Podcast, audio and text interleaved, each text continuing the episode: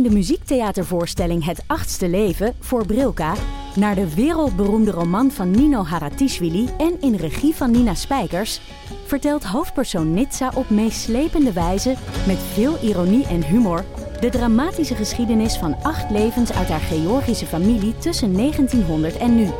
Een hartverscheurend en tegelijk troostrijk drama verteld vanuit het perspectief van vrouwen uit verschillende generaties. Waarbij het publiek meegenomen wordt op een emotionele, visuele en muzikale reis door de 20ste eeuw. Koop je tickets voor het achtste leven via oostpol.nl.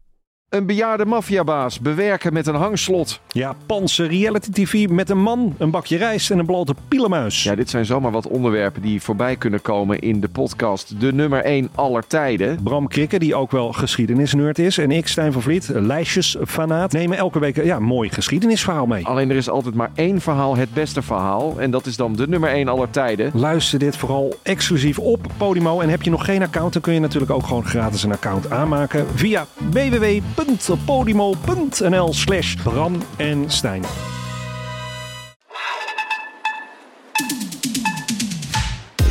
Welkom bij VSR. Voorheen Schaamteloos Randstedelijk. De podcast over alles dat je wel bent, maar niet wil zijn. Mijn naam is Doortje Smithuizen. Tegenover mij zit Perre van den Brink. En zoals iedere week houden wij onze luisteraars een spiegel voor. En onderzoeken we de paradoxale relaties met de systemen om ons heen. Ja, het is juli en de kans is groot dat je er net één hebt gehad. Of binnenkort één gaat hebben. Het huwelijk. Uh, het is wedding season en voor ons aanleiding om er helemaal in te duiken. We hebben wedding planners gesproken, bloemisten, fotografen, cateraars, bruiden, bruidegommen en natuurlijk ook gescheiden mensen.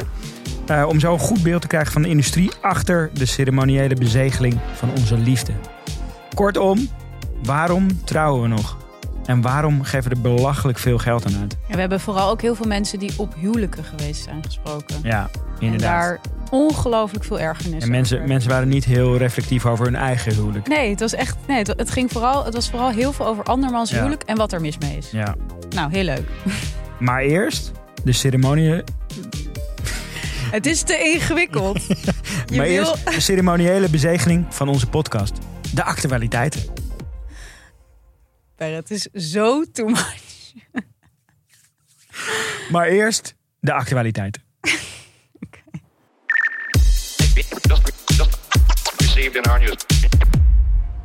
Per, je hebt toch nog een uh, succesvol kledingwerk eigenlijk uit ja, de grond gestaan. Nee, dat mag gezegd worden. Ja. Bedankt ja. allemaal voor, voor, voor jullie orders. Ik heb het hele weekend uh, eigenlijk gewoon customer service uh, gedaan. Ja, we hadden, we hadden ons al een beetje voor, of we hadden al een soort van voorbereid mentaal op de mogelijkheid dat niemand de t-shirt ja. zou bestellen. Toen Niets hadden we al bedacht dat we dan zelf 20 t-shirts Ja. zouden aanleggen om het minder gênant te maken. Ook naar de leverancier toe. Maar is niet nodig. nee, nodig. absoluut niet nodig Nee. geweest. Wat ik het, het leukste vond, was dat mensen ook vooral op het idee Mhm. reageerden. Dus dat, dat, het, dat het idee van eh, iets maken zonder nieuw textiel eh, te creëren, ehm, dat dat gewoon heel erg resoneerde. Dus nogmaals, heel erg bedankt voor al die orders.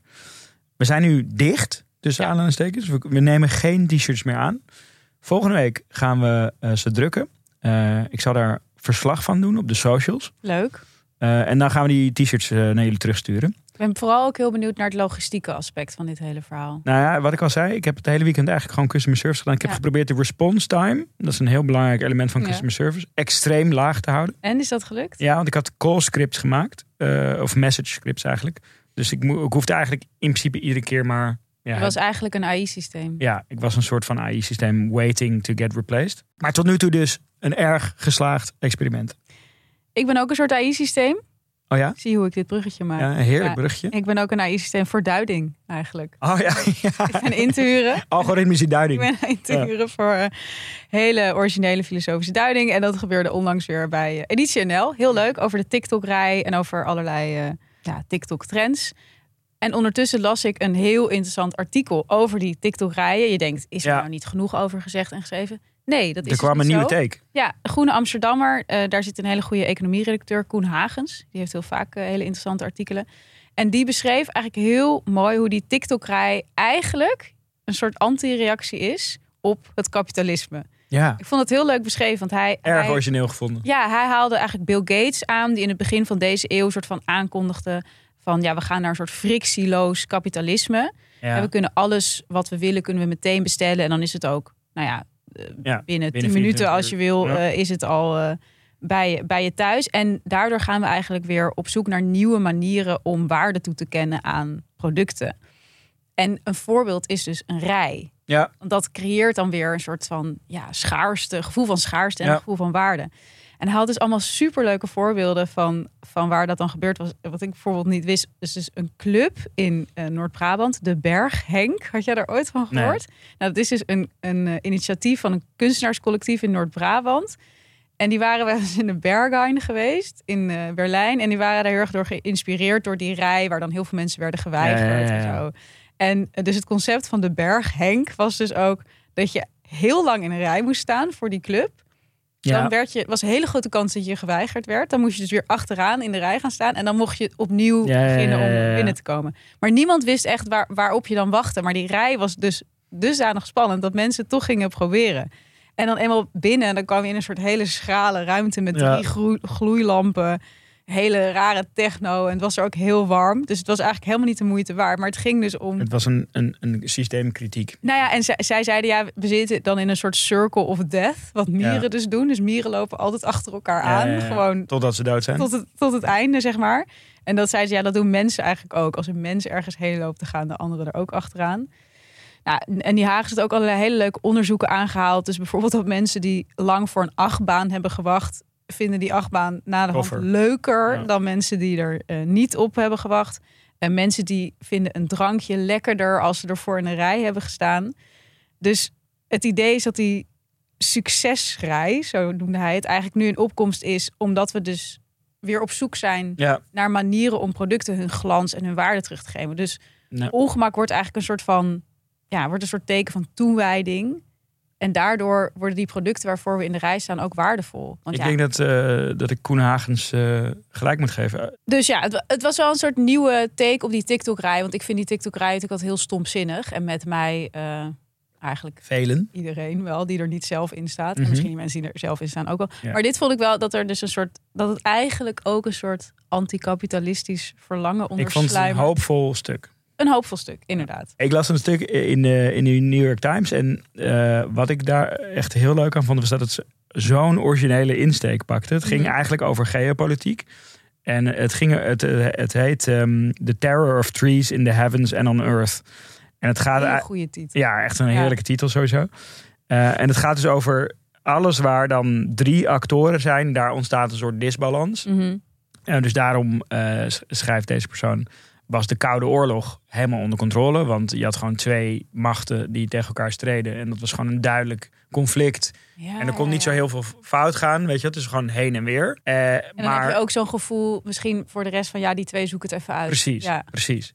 En dan, als je, nu heb je natuurlijk China ook als wereldmacht. Als die ook een heel groot nucleair programma zouden ontwikkelen. Mhm. Dan eh, heb je dus ineens drie mensen die dat doen. En dan gaat het gewoon helemaal fout. En deze auteur die maakt dan ook eh, vergelijkingen met wat meer eh, dicht bij huis eh, voorbeelden. Ik Vooral voor mij. ik al weet waar je heen gaat. The Terror of Trees. ja. Namelijk drie kinderen versus twee kinderen. Dus wat er dan in, in een gezin eigenlijk Is ontstaat. dat een groot verschil? Ja, zeker. Mensen, als je, als je je derde kind verwacht, dan zegt iedereen tegen je: Ah joh, die, die derde, dat doe je er gewoon bij. Ja, ik zou dat denken dat van één naar twee veel groter Is ook wel oprecht een groter verschil, omdat het, omdat het organisatorisch een groter verschil Ja. is. Want die derde, die, het is relatief minder werk. Maar het is wel gewoon nog een mens in huis. En het verandert de dynamiek tussen die andere twee gewoon Ja, ja, ja. heel erg. Dus ik vond het, ik vond het gewoon super herkenbaar dat, dat, dat, dat, die, ja, dat die dynamiek dan zo anders wordt. Ik vond het gewoon een. Ik vond, het was zo dat je blij bent met je abonnement. Dat je Ja, ja, ah ja. Wat heerlijk dat deze persoon deze invalshoek heeft En verzonnen. had je dan ook het gevoel van nu ik drie kinderen heb, ben ik ook wel klaar om een wereldoorlog te beslechten? Zeker. Ik ken die dynamiek. Of, of, of in een dictator te veranderen. Ja. Ja. Leuk, ben benieuwd. Eh, ja, ik heb zelf namelijk ook ooit een, een, ehm, een feest gegeven. Waar je alleen maar naartoe. Je kreeg een kaartje en dat kaartje was geldig voor drie personen. En je moest ook met die drie personen in één thema komen. Je Qua- moest ook met drie mensen. ja, je kon niet zonder drie personen naar binnen. Eh, ja, de, de- uiteindelijk zijn er iets van 1500 mensen gekomen. Echt Dus het- heel uitdagend. ja, dat maar, het- maar je moest ook in een thema gekleed. Je mocht het wel zelf uitkiezen, maar Met, met z'n drie. drieën. En mensen vonden dat heel leuk. Dit is ook weer frictie creëren. Ja, zeker. En eh, daardoor werd het een heel populair feest. Ook omdat het gewoon de hele avond gratis zuipen was. Oh ja, Maar ik denk dat dat mee heeft gespeeld. ik denk dat dat Ja. zeker mee heeft gespeeld. Maar dat feest werd zo'n enorme chaos. Ja, dat ik eh, in retrospect eigenlijk alleen maar kan concluderen dat die Terror of Trees, waar deze auteur het over had, ook daar helemaal van toepassing Ik was. kan me wel voorstellen, want als je met drie mensen uitgaat, is echt heel anders dan met twee. Precies. Je gaat Je veel. toch vrijer. of Ja, zo. precies. Ja, is precies. Oké, jij had nog een tip Ja, laatste in tip. het thema. Helemaal in het thema van deze aflevering. Eh, er zijn een paar expats die hier in Amsterdam wonen. Echt waar? Wat leuk, die zou ik echt willen ontmoeten. ik, ken er, ik ken er een van de groep. Wel. En er zit een oud collega van mij zit, zit tussen, deze, eh, tussen deze groep. Eén daarvan gaat trouwen. Eh, ze hebben een, een feest op een boot in Amsterdam. Mhm. En iemand gaat op een gegeven moment naar de play. En er ligt onderweg naar de wc, dus niet op het toilet, maar in de gang richting het toilet ligt poep. Eh, en het is duidelijk dat iemand dat daar heeft achtergelaten. Mhm. Maar het is niet duidelijk wie die persoon is. Nou, oké, die avond loopt af. En ehm, na, na die avond is iedereen natuurlijk van... wie de fuck heeft dat gedaan? Ja. Eh, en deze mensen hebben daar een podcast van gemaakt. In 13 afleveringen. Echt krankzinnig veel. Maar maak ze eigenlijk een soort whodunit-achtige eh podcastserie. Eh, gaan ze leugendetectors op AliExpress bestellen. En gaan ze dus gasten van die bruiloft eh, langs laten komen. En met een aan de leugendetectortest interviewen van was jij dit? Eh, overigens, die oud-collega waar ik het net over had, die wilde niet meedoen aan de leugendetector. Dus Oh, dus die ik- is vind ik verdacht. verdacht. Ja, vind ik verdacht. Ehm, we zullen niet verklappen hoe het, hoe het afloopt. Eh, maar, en het is eerlijk gezegd, die, die 13 afleveringen hadden er ook iets minder kunnen Oké, zijn. Maar ook wel weer anderhalve snelheid. Ja, anderhalf, Ja. typisch een anderhalf snelheid podcast. Eh, maar wel in, in het thema van deze aflevering. En ook best wel gewoon zo grappig qua insteek dat hij de moeite waard is. Hij Leuk. staat in de show notes. Hoe heet die? Who shat on the floor at my wedding? Heel duidelijke titel. Duidelijke titel. Denk je dat mensen ons op anderhalve snelheid luisteren?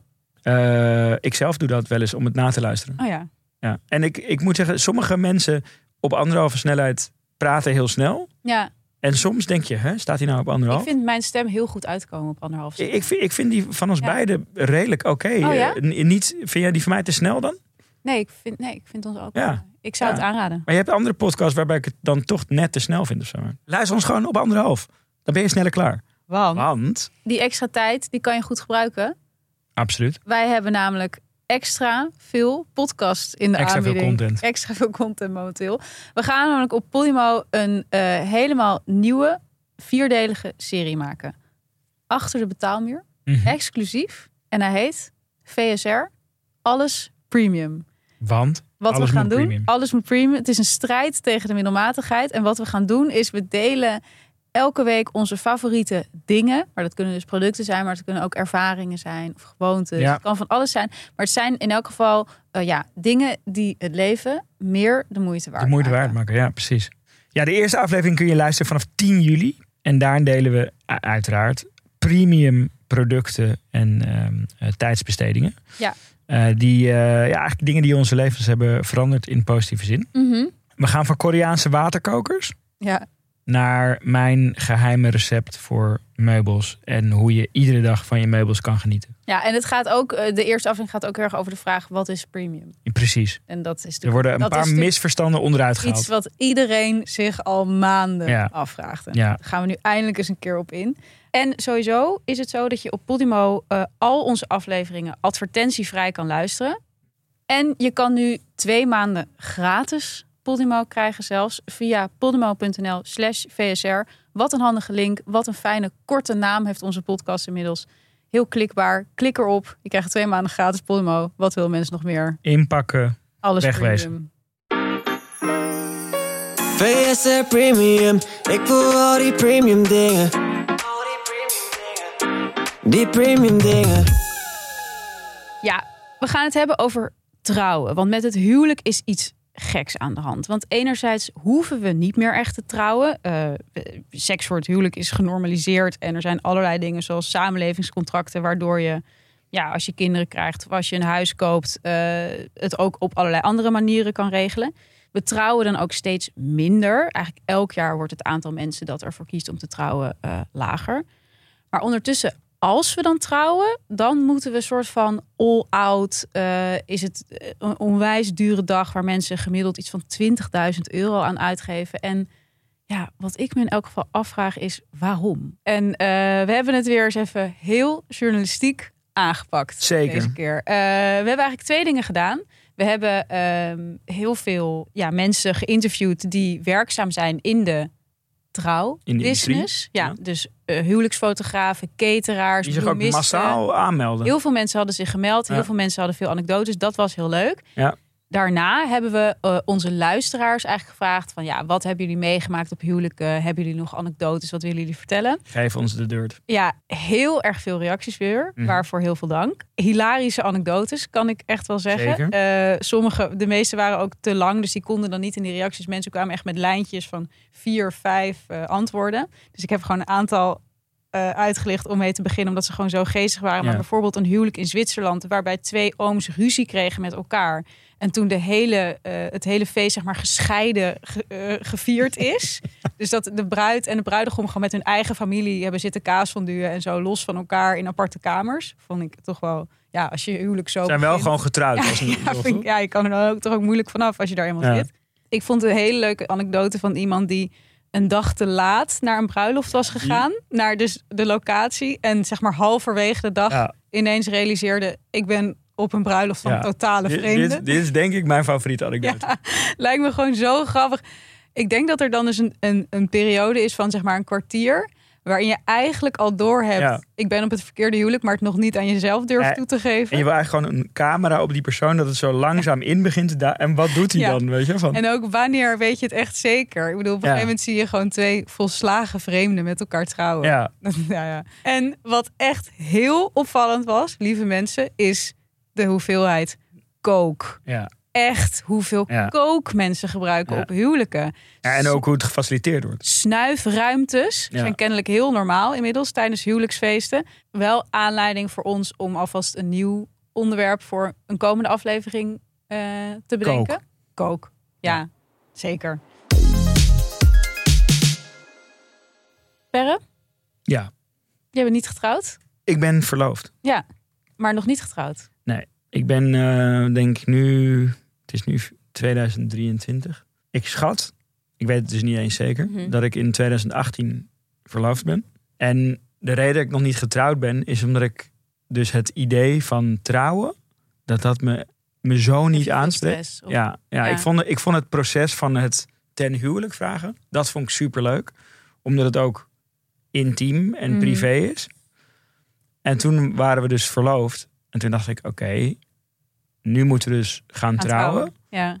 En dan ga je af en toe naar een bruiloft. En denk ik van, jezus, dan sta ik daar dus straks helemaal zo in het middelpunt van de belangstelling. Zo'n super georganiseerde dag. Ja. Die, dat is echt mijn, eigenlijk mijn grootste nachtmerrie. Maar we hadden het er ook over dat ehm, kennissen van ons die we allebei niet goed kennen, die zijn onlangs getrouwd. Mhm. Dat is een soort mega idyllisch huwelijk ergens in de natuur. Wij weten alles van dit We huwelijk. weten alles van dit huwelijk. We hebben alles gezien. Ook de producent die ook voor de nieuwe keuken werkt, die zat eh, bij ons op kantoor. En die was gewoon helemaal kapot. Want die is ook bevriend met dat stel. En die had daar kennelijk ook als een soort vriendendienst de productie gedraaid. Nou, die, Ja, die had nog nooit zoiets meegemaakt ongeveer. En, eh, en, en ik heb gewoon het gevoel dat ik er wel bij ben geweest. Want ik heb op sociale media zoveel foto's gezien. en dat heb ik de laatste tijd met superveel huwelijken. Ja. Dat ik gewoon alles van het huwelijk weet. Ja, Omdat er gewoon hele hashtags en eh, gewoon alles wordt is een soort vastgelegd. liveblog. Ja, het is eigenlijk een, een, een, een totale liveblog. Heel even terug naar die, naar, die, ehm, naar die research die we hebben gedaan. Wat ik, daar, wat ik eigenlijk soort van de, de conclusie van de research eh, Mhm. vond... was dat het huwelijk eigenlijk een soort statussymbool voor Ja. de middenklasse is geworden. Heel erg. Ja, totaal. Dat vond ik een, een ook een boeiende conclusie. Daar gaan we induiken. Mhm. Maar daarvoor gaan we het nog even over een sponsor hebben. Wij zijn ook middenklasse.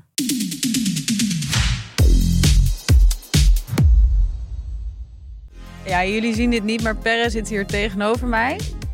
Ehm, Ik neem even een slokje cola. en hij nam net een slok cola uit de Air Up. Vertel. Uit de air- ja, de- ik nam eigenlijk een slokje water. Maar ik heb mezelf, mijn brein heb ik wijs gemaakt dat ik een slokje cola eh, heb genomen. Hoe was het? Ja, gewoon cola. Ja? Ja, ja wel geen prik, want ik, heb, ik was vergeten om de, eh, water met prik erin te doen. Desalniettemin smaakt het gewoon naar cola. En dat kan dus met die Air Up. Want het is geen normale waterfles. Want je geeft gewoon een smaakje mee aan je water. Zo simpel is het. Zonder suiker, zonder toevoegingen, zonder rommel. Ja, want Air Up biedt een verfrissende manier aan om gehydrateerd te blijven, omdat het puur water gebruikt zonder enige toevoeging van smaakstoffen of kunstmatige ingrediënten. Dat kan vooral aantrekkelijk zijn voor mensen die op zoek zijn naar een gezond alternatief voor suikerhoudende dranken. En laten we eerlijk zijn, wie is dat nou niet? Nou, hier tegenover je zit er sowieso eentje. Ja, dat bedoel ik. Je krijgt nu 15% korting op alle flessen van Air Up op air-up.com. En die actie is geldig tot en met 31 juli. En de kortingscode is, je raadt het al, schaamteloos 15. Hoofdletter S.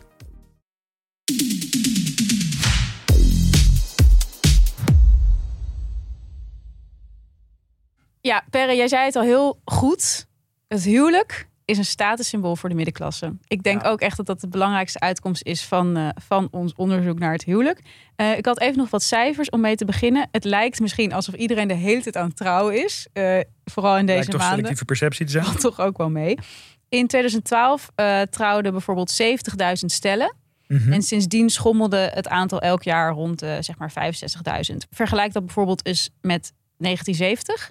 Mhm. Toen trouwden er nog 124.000 stellen. Bij- In absolute getallen bijna twee keer zoveel. En als je Ja. dan de bevolking meeneemt, dan is het echt... Want de bevolking groeit natuurlijk keihard sindsdien. Ja. Ja. Nou, dan was 2022 wel weer echt een piekjaar voor het huwelijk. Na corona natuurlijk. Logisch. Toen trouwden dus weer 70.000 mensen. Maar goed, de verwachting is dus dat het weer een beetje rond die 65.000... Al die, daar, daar komen al die verhalen over die snijfruimtes. eh, Ja, dat kunnen. mensen die twee jaar droog stonden, die hebben meteen een gebruikersruimte op hun huwelijk. Ja, eh. want niemand had natuurlijk drugs gebruikt tijdens corona. nou ja, en wat ik dus inderdaad denk, er wordt dus minder getrouwd dan vroeger, maar ik denk wel dat we heel anders tegen de functie van bruiloften aan zijn gaan kijken. Want in plaats van dat het dus functioneel is, dat je het nodig hebt eh, om eh, met iemand samen te zijn of om kinderen te krijgen, et cetera, Ja. is dat perfecte huwelijk echt een statussymbool geworden. En dan inderdaad vooral eh, voor de middenklasse. Want het, het zit erin dat huwelijk is natuurlijk heel zichtbaar, Mhm. vooral op sociale media. Ehm, en het wordt eigenlijk heel, ja, heel erg omarmd als die ene dag per jaar. Waar je gewoon schaamteloos druk over mag maken. Waar je elk Ja. detail eh, een soort van tot, tot helemaal tot in de puntjes mag voorbereiden. Ja. En waarvan je eindeloos foto's en video's mag delen. Ik bedoel, ik heb toch het idee dat er toch een soort gen is van veel foto's delen van jezelf. Mhm. Of van je huis, wat je heel mooi vindt. Of van je auto. Of weet ik veel andere statussymbolen. Ja, Maar dat huwelijk, dat is natuurlijk ja, een soort van het feest van de liefde of Mhm. zo. En daar mag je dan met drones Alles, ja. en videografen, before, Ja. after movies. je gaat toch niet zeg maar op je verjaardag een drone inhuren, toch? Nee, Dat is heel gek. ik vind wel dat jij voor je 40ste verjaardag een drone. dat wil ik wel heel graag. Maar goed, we hebben dus onderzoek gedaan eh, en heel veel mensen geïnterviewd die werkzaam zijn in die huwelijksindustrie.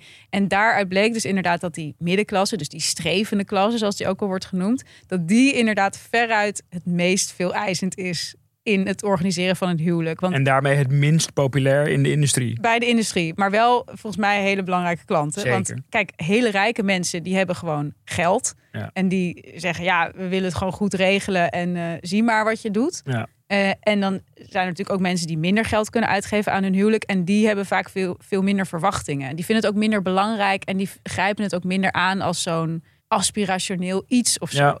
Maar wat we dus hoorden van die wedding planners en eh, fotografen, zo, is dat mensen die, zou maar zeggen, modaal verdienen, die zijn het meest bezig met dat huwelijk als ja, manier om zich te profileren. En die willen ook de hele dingen die ze eigenlijk niet kunnen betalen. Ja, ja, ja. Dat ze het dan bij iemand anders hebben gezien.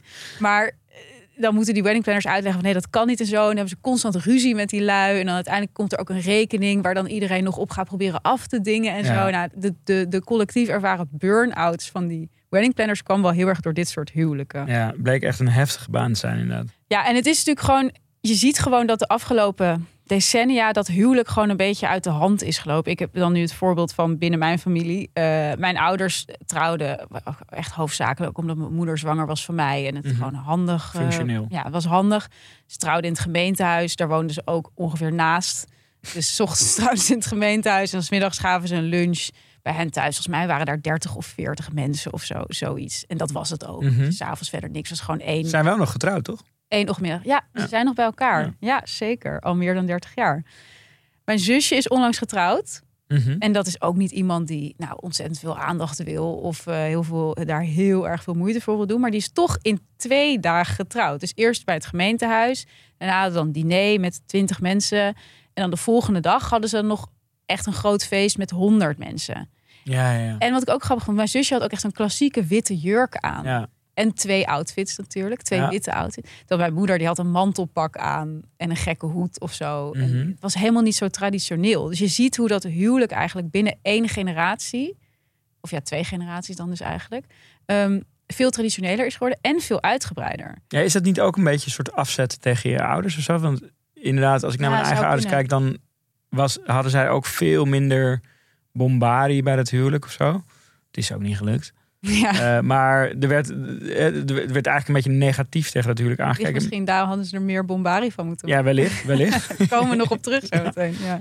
Maar de- misschien is dat ook een soort tegenreactie. Dus dat wij dan weer denken van... joh, laten wij nou bewijzen... eh, uit Ja. al die gebroken gezinnen... dat wij het wel kunnen of zo. Dat al die boomers die er allemaal een potje van hebben gemaakt van een huwelijk, dat we dat beter kunnen. Ja, Is een theorie, gaan we nog op terugkomen. Maar een andere hele belangrijke theorie is denk ik toch eh, de macht van sociale media. Ik las echt een geweldig artikel eh, op The Atlantic. Mhm. Ik raad niet graag artikelen aan eh, waar je langer over doet dan zeg maar 10 minuten of zo qua lezen. ja.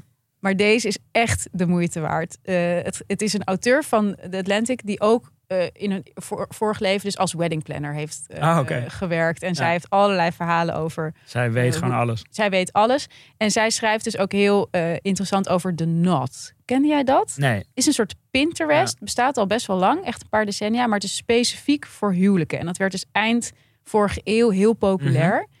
En die Atlantic-auteur die beschrijft hoe de Knot eigenlijk huwelijken een soort van democratiseerde. Want Ja. er ontstond, ja, dat was dan een soort van ja, inspiratiesite voor jurken en taarten en zo. Ja. Maar er stond dus ook een soort ehm, chatbox waarin mensen elkaar advies gingen geven.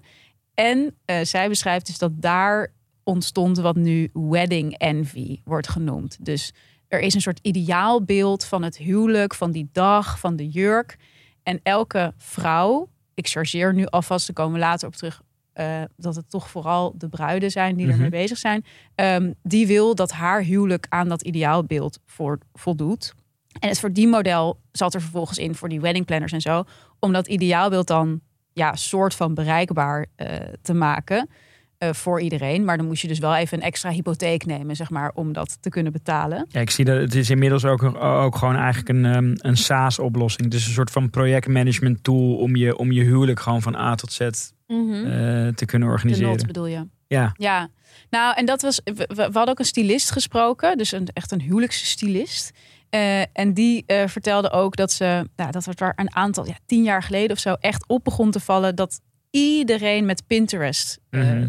ja, decks, zeg maar, naar haar toe kwam. Zodat ze het kon namaken. Dus eigenlijk was het helemaal niet meer van, oké, jij bent stylist. Wat vind jij leuk voor mijn huwelijk? Maar dus veel meer met een soort, ja, een soort van kant-en-klaar bord van dit wil ik. Ja. En ook het idee van anders is het niet geslaagd of zo. nee, maar dat is natuurlijk, Pinterest heeft dat zo makkelijk gemaakt. Je kan echt in vijf minuten gewoon een heel goed moodboard in elkaar draaien. En dan inderdaad, als iedereen dezelfde bronnen gebruikt. Dus dit is gewoon ook weer de age of average en, Mhm. en blending, toch? Eh, Ja.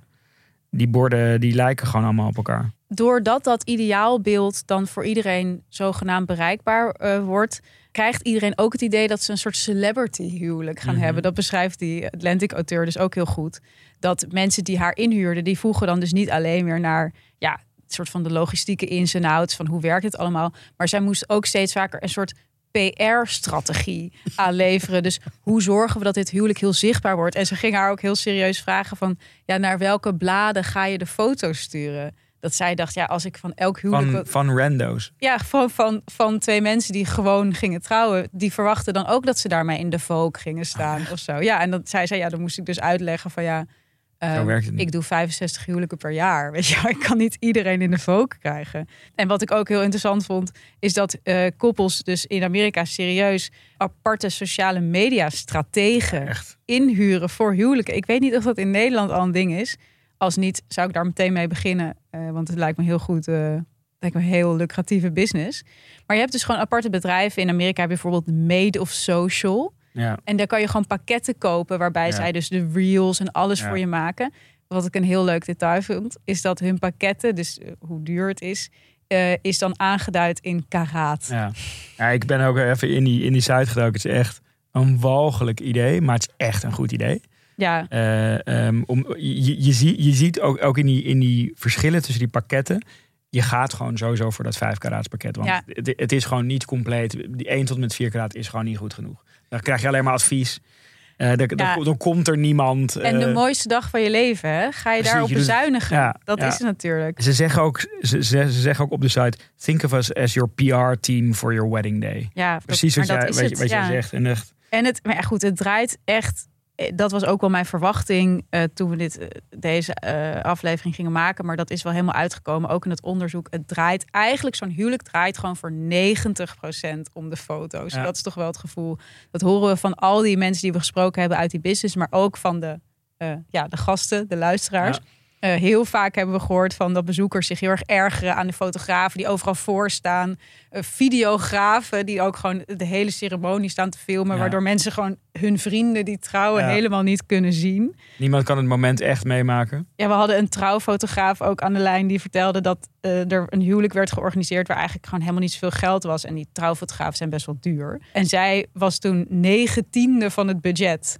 De fotograaf. Ja, en de rest werd uitgegeven aan sushi. Ja.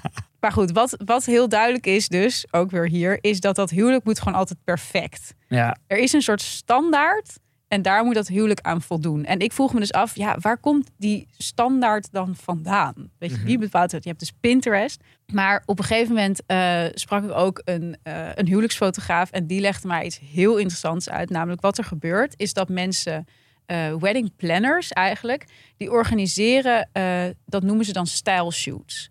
En dan huren ze gewoon een locatie en modellen en styling. En dan gaan ze eigenlijk doen alsof, ja, gaan ze doen alsof Ja. mensen gaan trouwen. En dan kunnen huwelijksfotografen daarop intekenen. Die kunnen gewoon een slot kopen. Daar die kunnen daar hun test, hun... En daar gaan ze hun portfolio's maken. Ah ja, Dus als mensen dan op die site kijken van die huwelijksfotografen, dat wil ik ook. dan zien ze alleen maar Shop look. modellen en perfect gestylede snap het wel, want, want op je eigen site adverteren met iemand anders trouwfoto is natuurlijk een beetje gevoelig. Toch? Ja, Dus je- ik denk dat veel mensen dat ook wel doen. Maar het is natuurlijk. Het, het creëert natuurlijk een standaard die gewoon niet te halen is. Want niemand heeft alleen maar modellen als vrienden. ja, ja, ja, En niemand heeft geld voor zo'n dure locatie. Waar vervolgens misschien wel tien huwelijksfotografen eh, de kosten voor dragen. Dus het, het creëert een standaard. En ik zei ook tegen haar van... Huh, maar staan dan niet op alle portfolio's van alle huwelijksfotografen dezelfde mensen? Toen zei ze ook, ja, maar daar houden mensen ook alweer rekening mee... dat ze dus dan niet allemaal in dezelfde gebieden en zo gaan zitten. Nee, Dus he- er zijn gewoon een aantal shoots waar, zeg maar... eh, het zijn gewoon stok, het zijn gewoon stokmodellen. stokmodellen, ja. Ja. Maar die worden dus gepresenteerd als echt. Ja, ja, ja, ja, ja. En dan kan je zeg maar hetzelfde type bruiloft bij die mensen afnemen als het ware. Wa- Ik heb ook een trend gespot in, in Oh, dit kader. W- wat volgens mij ook een soort onrealistische standaard eh, heeft ge- ge- gezet. Jacques. Oh ja, ja. Die, die Franse ontwerper. Hij heeft eigenlijk de afgelopen jaren zijn. Hij, hij komt uit Zuid-Frankrijk. eh, in een landelijke omgeving. En in dat universum van zijn merk speelt dat een hele belangrijke rol. Dus zijn shows zijn ook meestal niet in, in Parijs, maar of in Zuid-Frankrijk of ergens buiten Parijs of zo. En hij heeft met die, met die eh, set designs van die, van die shows, heeft hij een soort nieuwe, nieuwe soort luxury landelijkheid neergezet. Ehm, en hij doet dan zo, zo'n catwalk in een lavendelveld of in Ja. een zonnebloemenveld. Of zo. Je- Als je die beelden ziet, dan iedereen, iedereen kent die beelden wel of zo. Ja, En dat is precies dat, die esthetiek die je nu in al die bruiloften ziet. Dus Mm. iedereen wil in een soort weiland trouwen. ja. Eh, eigenlijk een soort luxury boerenbruiloft. Ehm, Ja, en ook een soort, er zit een soort hippie gevoel, een soort community gevoel. Ja. Maar het is ook heel Instagram eh, eh, en dus een beetje soort Jacquemus-achtig of zo. Weet je. Ja. Dat is volgens mij de look die iedereen wil nu. Heel erg, ja. En het, en het is allemaal afkijken van elkaar. Hè? Ik bedoel, dat, dat is gewoon hoe het werkt. We hadden ook een anekdote van een cateraar die vertelde dat ze één keer een champagne toren op Instagram had gezet. En dat ze de weken daarna alleen maar aanvragen kregen. Ja. Waarin mensen heel specifiek zeiden. Ik wil die champagne toren. Weet je wel? Ja. Mensen denken, mensen willen gewoon andere mensen nadoen. Dat ze dan gezien hebben van dat is vet. Ja, ja? Dus hoe meer mensen zo'n landelijk huwelijk gaan doen, hoe, meer mensen dat ook weer gaan afkijken. Dat hoorde ik dus wel van, van oh, toch ook weer veel van bruiden. Dat ze beschreven dat ze heel veel druk op zichzelf legden. En dat ze dus ook heel erg op zoek waren naar die bevestiging van het is perfect. Ja. Zoals een bruid die vertelde dat ze best wel teleurgesteld was dat niet iedereen had gezegd dat het perfect was. Haar huwelijk. En ook iemand die zei: Ja, ik vind het echt heel. Ik vond het toen dus echt heel jammer. Maar ik had een, een, een haarstylist eh, ingehuurd. En die had de beelden van mij niet op Instagram gedeeld. En dat vond ze heel beledigend. Oh, ja, ja, En alsof dat het niet je- goed genoeg was Ja, het, het- je wordt natuurlijk zo gek gemaakt met hoe, hoe het allemaal moet voldoen aan dat beeld. Dat als het daar dan niet aan voldoet, dan heb je het idee van ja, mijn huwelijk is mislukt. Ja, ik, had, ik ben een keer op een huwelijk geweest wat echt op alle mogelijke manieren voldoet aan dit Mhm. plaatje. Zeg maar. Het was gewoon echt locatie, top, leuke mensen, eten was super, de aankleding was fantastisch. En ehm hele goede fotograaf. Ja, En die fotograaf, die heeft gewoon daarna nooit meer wat van zich laten horen. die heeft gewoon alleen maar gefeest. Ja, die is gewoon gaan feesten. En die foto's, die zijn waarschijnlijk ergens kwijtgeraakt of zo. Dat is ook een mooi realisatiemoment. Dat je dus, je bent op een huwelijk enorm aan het feesten. En op een gegeven moment ergens tussen drie en vier uur s'nachts denk je... Shit, ik was hier om foto's te maken. Ja, ik heb geen enkele foto. en wat doe je dan? Dan laat je nooit meer wat van je horen. kennelijk. Ehm, maar ben je dan nog getrouwd? Achteraf. Ben je getrouwd als, als de foto's nooit naar buiten zijn Ja. Dat is zoals die boom die valt in het bos en niemand heeft het gezien of Precies. gehoord. Ja. Ja, ik denk dat als die fotograaf het dus zo leuk had, dan ben je echt heel goed getrouwd. Hele filosofische vraag. Ja. Nou ja, en eh, iedereen ergert zich wel aan de perfectie van, eh, of het streven naar perfectie eh, bij die huwelijken. Dus we hebben ook heel veel verhalen gehoord over mensen die vooraf dan 15 pagina's stellende lookbooks Mhm. als gasten krijgen. Met kledinginspiratie en ook kleurenschema's Ja. waar je dan niet van mag afwijken. Dus was ook één combinatie, vond ik echt bizar. Er was pastelgroen, blauw, roze en paars. Ja, ik word hier nu al helemaal een beetje, een beetje druk van in mijn hoofd. Ehm, nou ja, en allerlei andere dingen. Bijvoorbeeld ook een bruidspaar dat dan zelf nog servetten had gemaakt. Omdat er geen servetten te kopen bleken die pasten bij het kleurenpalet dat ze hadden uitgekozen. Nou, mensen gaan echt eh, ontzettend ver. Als je dus zelf de moeite gaat nemen om die servetten te maken. Ja. Als je die houding eigenlijk op meer plekken in je leven eh, aanneemt. ja, mensen zouden het iets meer moeten spreiden. Precies. Ja, ja, Dan, dan, dan, dan wordt alles beter eigenlijk. En, En- nu is het veel te geconcentreerd. Ja, en ook echt te duur, zou ik wel willen Ja. zeggen. Want dat is wel de kosten van huwelijken. Ik vind het serieus best wel soort. Wat denk je dat mensen gemiddeld eh, uitgeven aan een huwelijk? Ik zou zeggen 15.000 euro, 20.000 euro. Ja, nee, het is 16.000 euro gemiddeld. Was het in 2022. Echt insane veel. Zoveel geld. Maar dat, dat, daar, daarom ben ik dus ook nog niet getrouwd. Want ik denk van, tering, daar, daar, kan ik, daar kan ik een soort een paar maanden van op reis gaan met mijn gezin. Ja, en in Amerika is natuurlijk alles altijd meer. En daar geven mensen gemiddeld 30.000 dollar uit aan een huwelijk. En zo'n 40% van de mensen moet een lening afsluiten. Om dat huwelijk te kunnen betalen. En ze heeft 60% wel gewoon 30k op de bank staan om een huwelijk, eh, aan een huwelijk uit te geven. Dat is dan Ook wel weer goed nieuws voor die Amerikanen. Ik weet niet of het goed nieuws is, maar het is in elk geval. Het is nieuws. Dit is allemaal nog niks vergeleken met Zuid-Korea. Wat denk je dat mensen daar gemiddeld, omgerekend, uitgeven aan een huwelijk? Nou ja, dat, eh, dat moet dan dus meer zijn. Dus ik, zei, ik gok 50.000 euro. 230.000 euro. Oh mijn god. Ja, maar is wel een heel belangrijk detail. Waarom? Is dat de traditie is dat de bruidegom geld aanlevert voor eh, een nieuw huis. Als mensen gaan trouwen. En Dus dat zit in die 230k. Ja, daar zit, daar zit dus ook geld in voor dat huis. En die huizenprijzen in Zuid-Korea zijn natuurlijk super hoog. Ongeveer Oké, dus- 70% gaat naar dat huis. Dus daarom is het zo hoog. Maar dus er zit een huis bij, bij, het, bij het huwelijkscadeau. bij- Ja. We hoorden trouwens ook van één luisteraar over een huwelijk waarop 100.000 euro aan vuurwerk Ja. de lucht in werd geschoten. Maar goed, ondertussen, hè? inflatie, recessie. We geven zoveel uit aan zoiets ja, vluchtigs. En dan heb je natuurlijk inderdaad die, die, eh, ja, die sociale media waar het zo belangrijk voor is. Maar ondertussen denk je, ja, is dat nou echt de enige reden? Ik denk dat er nog meer redenen zijn. Gaan we het over hebben? Maar eerst? We hebben een nieuwe sponsor.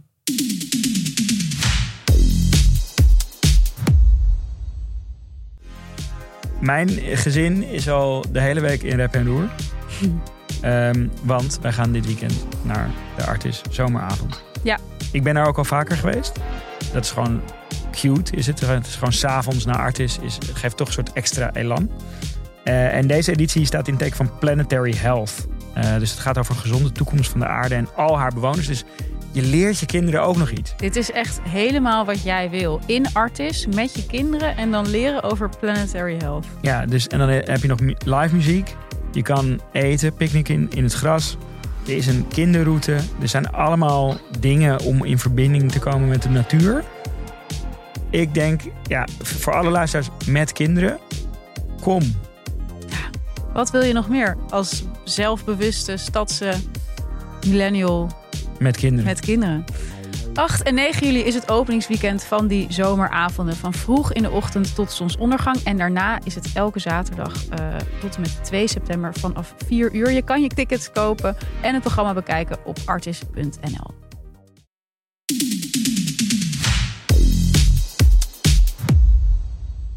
Oké, die vraag blijft dus een beetje staan. Van waarom trouwen we nog? Oké, je hebt die sociale media. Mensen willen zich graag profileren als eh, succesvol en eh, rijk eigenlijk. En eh, Ja. met, met de perfecte dag die daarvoor wordt aangegrepen. Ehm, ja, tegelijkertijd vind ik het dus allemaal heel stressvol klinken. Mhm. Helemaal niet leuk eigenlijk. Dus ik ben toch nog een beetje in de materie gedoken. En ehm, ik herlas een stuk in een van mijn favoriete boeken. Dat is Trick Mirror van Gia Tolentino. Mhm. Een New Yorker journalist die echt super goede essays schrijft over ja, de tijdsgeest eigenlijk. En zij zegt eigenlijk ehm, ja, hoe onzekerder de financiële toekomst, hoe duurder we gaan trouwen.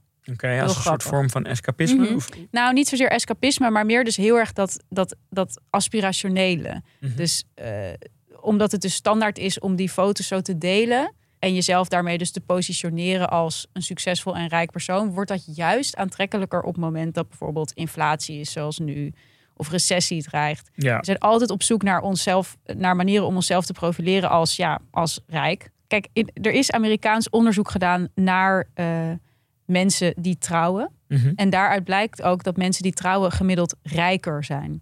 Oh ja? Een millennial stel dat trouwt, heeft gemiddeld een gezamenlijk inkomen van 90.000 dollar.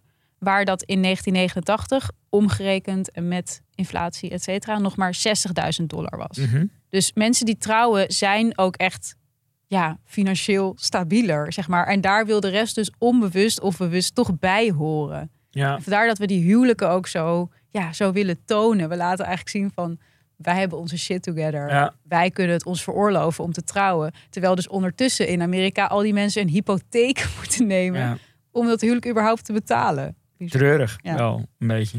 Oké, dan ehm, las ik nog even verder in dat boek. En het is een beetje chargerend misschien om Mhm. het te zeggen, maar ik ga het toch zeggen. Bruiden zijn meer bezig met hun huwelijk dan de bruidegom. Ja. Eh, we kennen allemaal superveel verhalen van bridezilla. Is er überhaupt een term voor omgekeerde van bridezilla? Groomzilla. groomzilla? Nou, bij deze dan. Ik wel zo'n goed maar die hoor je nooit. Nee. Want mannen zijn nooit zo eh, heftig, of meestal niet zo heftig over Nee. het huwelijk als eh, hun aanstaande vrouw. En daar heeft Gia Tolentino dus ook een heel interessant idee over. Want volgens haar is het huwelijk een soort ja, laatste strohalm voor vrouwen in een verder toch vrij ongelijke en heel patriarchale samenleving zoals de onze. Dus vrouwen die eh, ja, trekken gewoon nog op allerlei manieren aan het kortste eind. En zeker als ze in een hetero-relatie zitten met Ja. kinderen. Ik wou net zeggen, zijn we niet nu heel heteronormatief? Ja, dat is het. Het- is echt voor de hetero vrouwen die dan kinderen gaan krijgen. En het huwelijk is natuurlijk, het hetero huwelijk is natuurlijk in principe nog steeds het voorportaal van dat leven. Kinderen krijgen, settelen, Ja. weet je wel. Ja, ja. En daar, dan ga je als vrouw dus richting dat, nou ja, sowieso natuurlijk 13% minder verdienen dan mannen. 40% salaris inleveren als je kinderen krijgt, terwijl je man niks inlevert. En als ze gaan scheiden, zijn ze, hè, wat we al hebben benoemd, toch ook vaak gebeurt, zijn vrouwen eh, financieel ook eigenlijk veel meer de zaak dan de man. Want de man verdient meer, is vaak eigenaar van het huis, et cetera. En het huwelijk is dan dus eigenlijk een soort laatste manier om macht Ja. te pakken. Dus op die ene dag mag de vrouw alles bepalen en een soort van de baas spelen. Dus die Tolentino zegt eigenlijk van ja, dat huwelijk, dat vrouwen zich dus soms zo heftig gaan gedragen, een soort bridezilla's worden. Een soort, Dat is- soort stuiptrekking. Het is compensatie. Het is compensatie voor autonomie die ze op andere vlakken in de maatschappij alleen maar aan het inleveren zijn. ja, dit vind ik best wel grimmig. Ja, ja, ja ik vond het. Toch, dit is eigenlijk een, een, een, een heel goed argument tegen het huwelijk. Ja, ik vind het ook heel grimmig. Vooral als je bedenkt dat dit dus eigenlijk is waar die huwelijksbranche enorm geld aan verdient. Namelijk die schijnautonomie. Want Ja. er was ook een, eh, een luisteraar die reageerde, eh, die, die dus zelf was getrouwd. En zij zei ook van ja, je hebt echt. Je, je hebt eerst het heel erg het gevoel dat die leveranciers heel erg een band met je opbouwen Ja. en heel erg met je meepraten. En je heel erg ja, een soort van meenemen in dat gevoel van het kan allemaal be- nog beter en je kan nog meer eh, invloed hebben op deze dag. Ja. En uiteindelijk was zij dan bijvoorbeeld 25.000 euro kwijt aan haar huwelijk. Ja. En dacht ze daarna eigenlijk, ja, wat had ik hier eigenlijk aan? Ik had Het ook- zijn natuurlijk hele gewillige consumenten. Heel. Het is een beetje alsof je eh, het, het veiligheidsargument in de, in, in, in de prenatal of zo. Weet je, dat je je eerste kind Ja, krijgt. En dat, alles voor je kind. Dus Ja, Ja, nee, ja dat, dit bedje is wel veiliger. ja. ja ga je Eh, echt een minder veilig bedje Ja, kopen? voor dat je? is een beetje wat dit ook is, toch? Ja. Van, Zij zei inderdaad ook, ik had dat geld ook uit kunnen geven aan een huis. Of ik had mijn hele studieschuld kunnen aflossen van 25.000 euro. ja. Maar ik heb het uitgegeven aan één dag. Ja. Dus ik vond dat wel een hele interessante ehm, theorie. Inderdaad ook grimmig. Andere interessante theorie, ook best wel grimmig. Ben ik al heel lang eh, mee gefascineerd, is die theorie van Alain de Botton. Hij heeft een heel leuk essay geschreven, echt al best wel lang geleden, een jaar of tien. Mhm. En dat heet Why You Will Marry the Wrong Person. Goeie titel. Hele goede titel. En hij beschrijft eigenlijk hoe we de afgelopen honderd jaar eh, over zijn gegaan van een praktisch huwelijk naar het gevoelshuwelijk. Dus Mhm. ooit was het huwelijk gewoon ja, eh, twee, Contract. stukken, twee stukken land grensden aan elkaar. En dan zeiden die mensen van nou laten onze kinderen maar met elkaar trouwen. Of op andere manier zakelijk handig om met elkaar te trouwen. Ja. Eh, nou, dat leidde natuurlijk tot allerlei hele ongelukkige huwelijken. En de Botton zegt eigenlijk, ehm, die romantiek die we nu toekennen aan het huwelijk is een soort van reactie op dat trauma. Dus dat iedereen zich heel eenzaam voelde in die zakelijke huwelijken. Trauma. Ja, en nu gaan we dan doen van ja, dit wordt allemaal geweldig en romantisch en gezellig. En volgens de Breton trouwen we dus eigenlijk in een poging om ja, dat fijne gevoel wat je hebt als je verliefd bent, om dat soort van permanent te maken. Dus we hebben het idee van gelukkig zijn, een gelukkig leven kunnen leiden, lang en gelukkig. Dat hebben we verbonden aan het huwelijk. Terwijl eigenlijk zegt hij, ja, dat heeft helemaal niks met trouwen te maken. Ik bedoel, trouwen is in essentie gewoon een zakelijke overeenkomst Ja. die twee mensen tussen elkaar. Dat, kan je, dat, dat, Stellen. dat zou je dan ook zeg maar, veel kleinschaliger kunnen doen. Je kan ook gewoon elkaar vertellen dat je, dat, dat je het heel leuk vindt met elkaar. En dat je heel lang bij elkaar wil blijven. En dan gewoon uit eten gaan. En dan heb je eigenlijk hetzelfde gedaan, toch? Dan. Ga jij je huwelijk zo doen? Nou ja, ik, zit, ja, ik ben nu een beetje toe aan het werken. Misschien een soort van. Het, ik ben eigenlijk het draaiboek van mijn eigen huwelijk aan het Kleine-. Ja, ja, heel goed. Nou ja, de Breton zegt eigenlijk wat we, wat we moeten doen. En dat zou misschien ook ervoor zorgen dat minder huwelijken uit elkaar gaan. Ik weet niet of we zo ver kunnen gaan met deze aflevering om daar een soort van eh, advies over te geven. Maar is dat we moeten gewoon af van het idee dat het huwelijk een soort van bron van romantiek en liefde, een soort van onuitputtelijke bron van ehm, geluk moet zijn. Dat het gewoon een manier is om ja, het leven iets minder kut te maken eigenlijk. Maar wat de Boton zegt is eigenlijk van we hebben te romantische verwachtingen van het huwelijk. Ja, met, met de huidige Instagram huwelijken begrijp ik dat helemaal. Oké. Concluderend, Perre. Ga jij eh, nog trouwen? Ik vind het ook wel vet dat ik gewoon straks kan zeggen dat ik gewoon 25 jaar verloofd ben. Ook wel iets. Heeft ook, wel iets heel twijfelachtigs. oh ja, vind je? Ja. Nee, ja, dus, ik twijfel echt. Toch een beetje als je. A zegt, moet je ook B zeggen of zo. Ja, nee, ik denk dat ik het uiteindelijk ook wel ga doen. hoor. Maar het, het heeft, daar heeft het voor mij ook helemaal niets mee. Ja. Ik weet zeker dat, dat, dat, dat dit gewoon. eh, Ik vind verloofd- Deze relatie gewoon top is. Verloofd zijn ook wel leuker klinken dan getrouwd zijn. Precies. Nog beweging in. Ja, het is. Het is eh, ik weet niet, ik zou ook niet dat, dat mijn vrouw, zeg ik ook eigenlijk nooit. Heeft Dido een verlovingsring? Ja, twee. Twee. Ja, dat was voor de styling. Was dat, was dat. Ik, ik had zo'n heel dun verlovingsring bij Lippens. Was ik een, Uh, ik dacht, ja, zo'n klein ding. Ik vond het iets te klassiek. En toen eh, vroeg ik die vrouw van, kan je deze ook even om, om, te, om te vergelijken? ja, ja, Toen had ze ze allebei om. Toen dacht ik, dat is dit is wel een goede look. leuk. Twee over elkaar. Heel leuk. Daar dat is eh, volgens Gia Tolentino ook een patriarchale structuur, de verlovingsring. ja, nee, Want alleen vrouwen dragen ja, een ik heb, ik heb eh, niks. jij bent onzichtbaar verloofd. ja. Gaan we een andere keer Ik ga het, dus resume, schat, maak je geen zorgen. We gaan sowieso trouwen. Wel klein, hoop of ik. toch met een Jacquemus huwelijk in Zuid-Frankrijk. Kijk, ja, ik kan er wel een beetje stoer over doen, maar mij lijkt het ook best wel vet. Lijkt me ook heel leuk Toch? als jij dat doet. Ja. We gaan het zien binnenkort of over 25 jaar. Wie zal het zeggen? Tot slot nog even een shout-out naar Table, de app om restaurants te ontdekken, volgen, boeken en wijzigen. Allemaal in één app. Ongelooflijk, wat handig. Download die nu via de link in onze beschrijving. Perre, je kan ook gewoon nog, als je toch nog naar het gemeentehuis wil en daarna Dan ga ik via table, pak ik weet een, eh, jij hoe je je restaurant moet. Ja, We zien jullie volgende week. tot volgende week.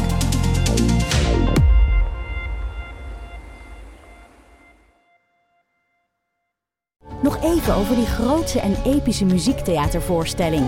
Het achtste leven voor Brilka is een marathonvoorstelling van 5 uur. Koop je tickets voor deze bijzondere theateravond via oostpol.nl.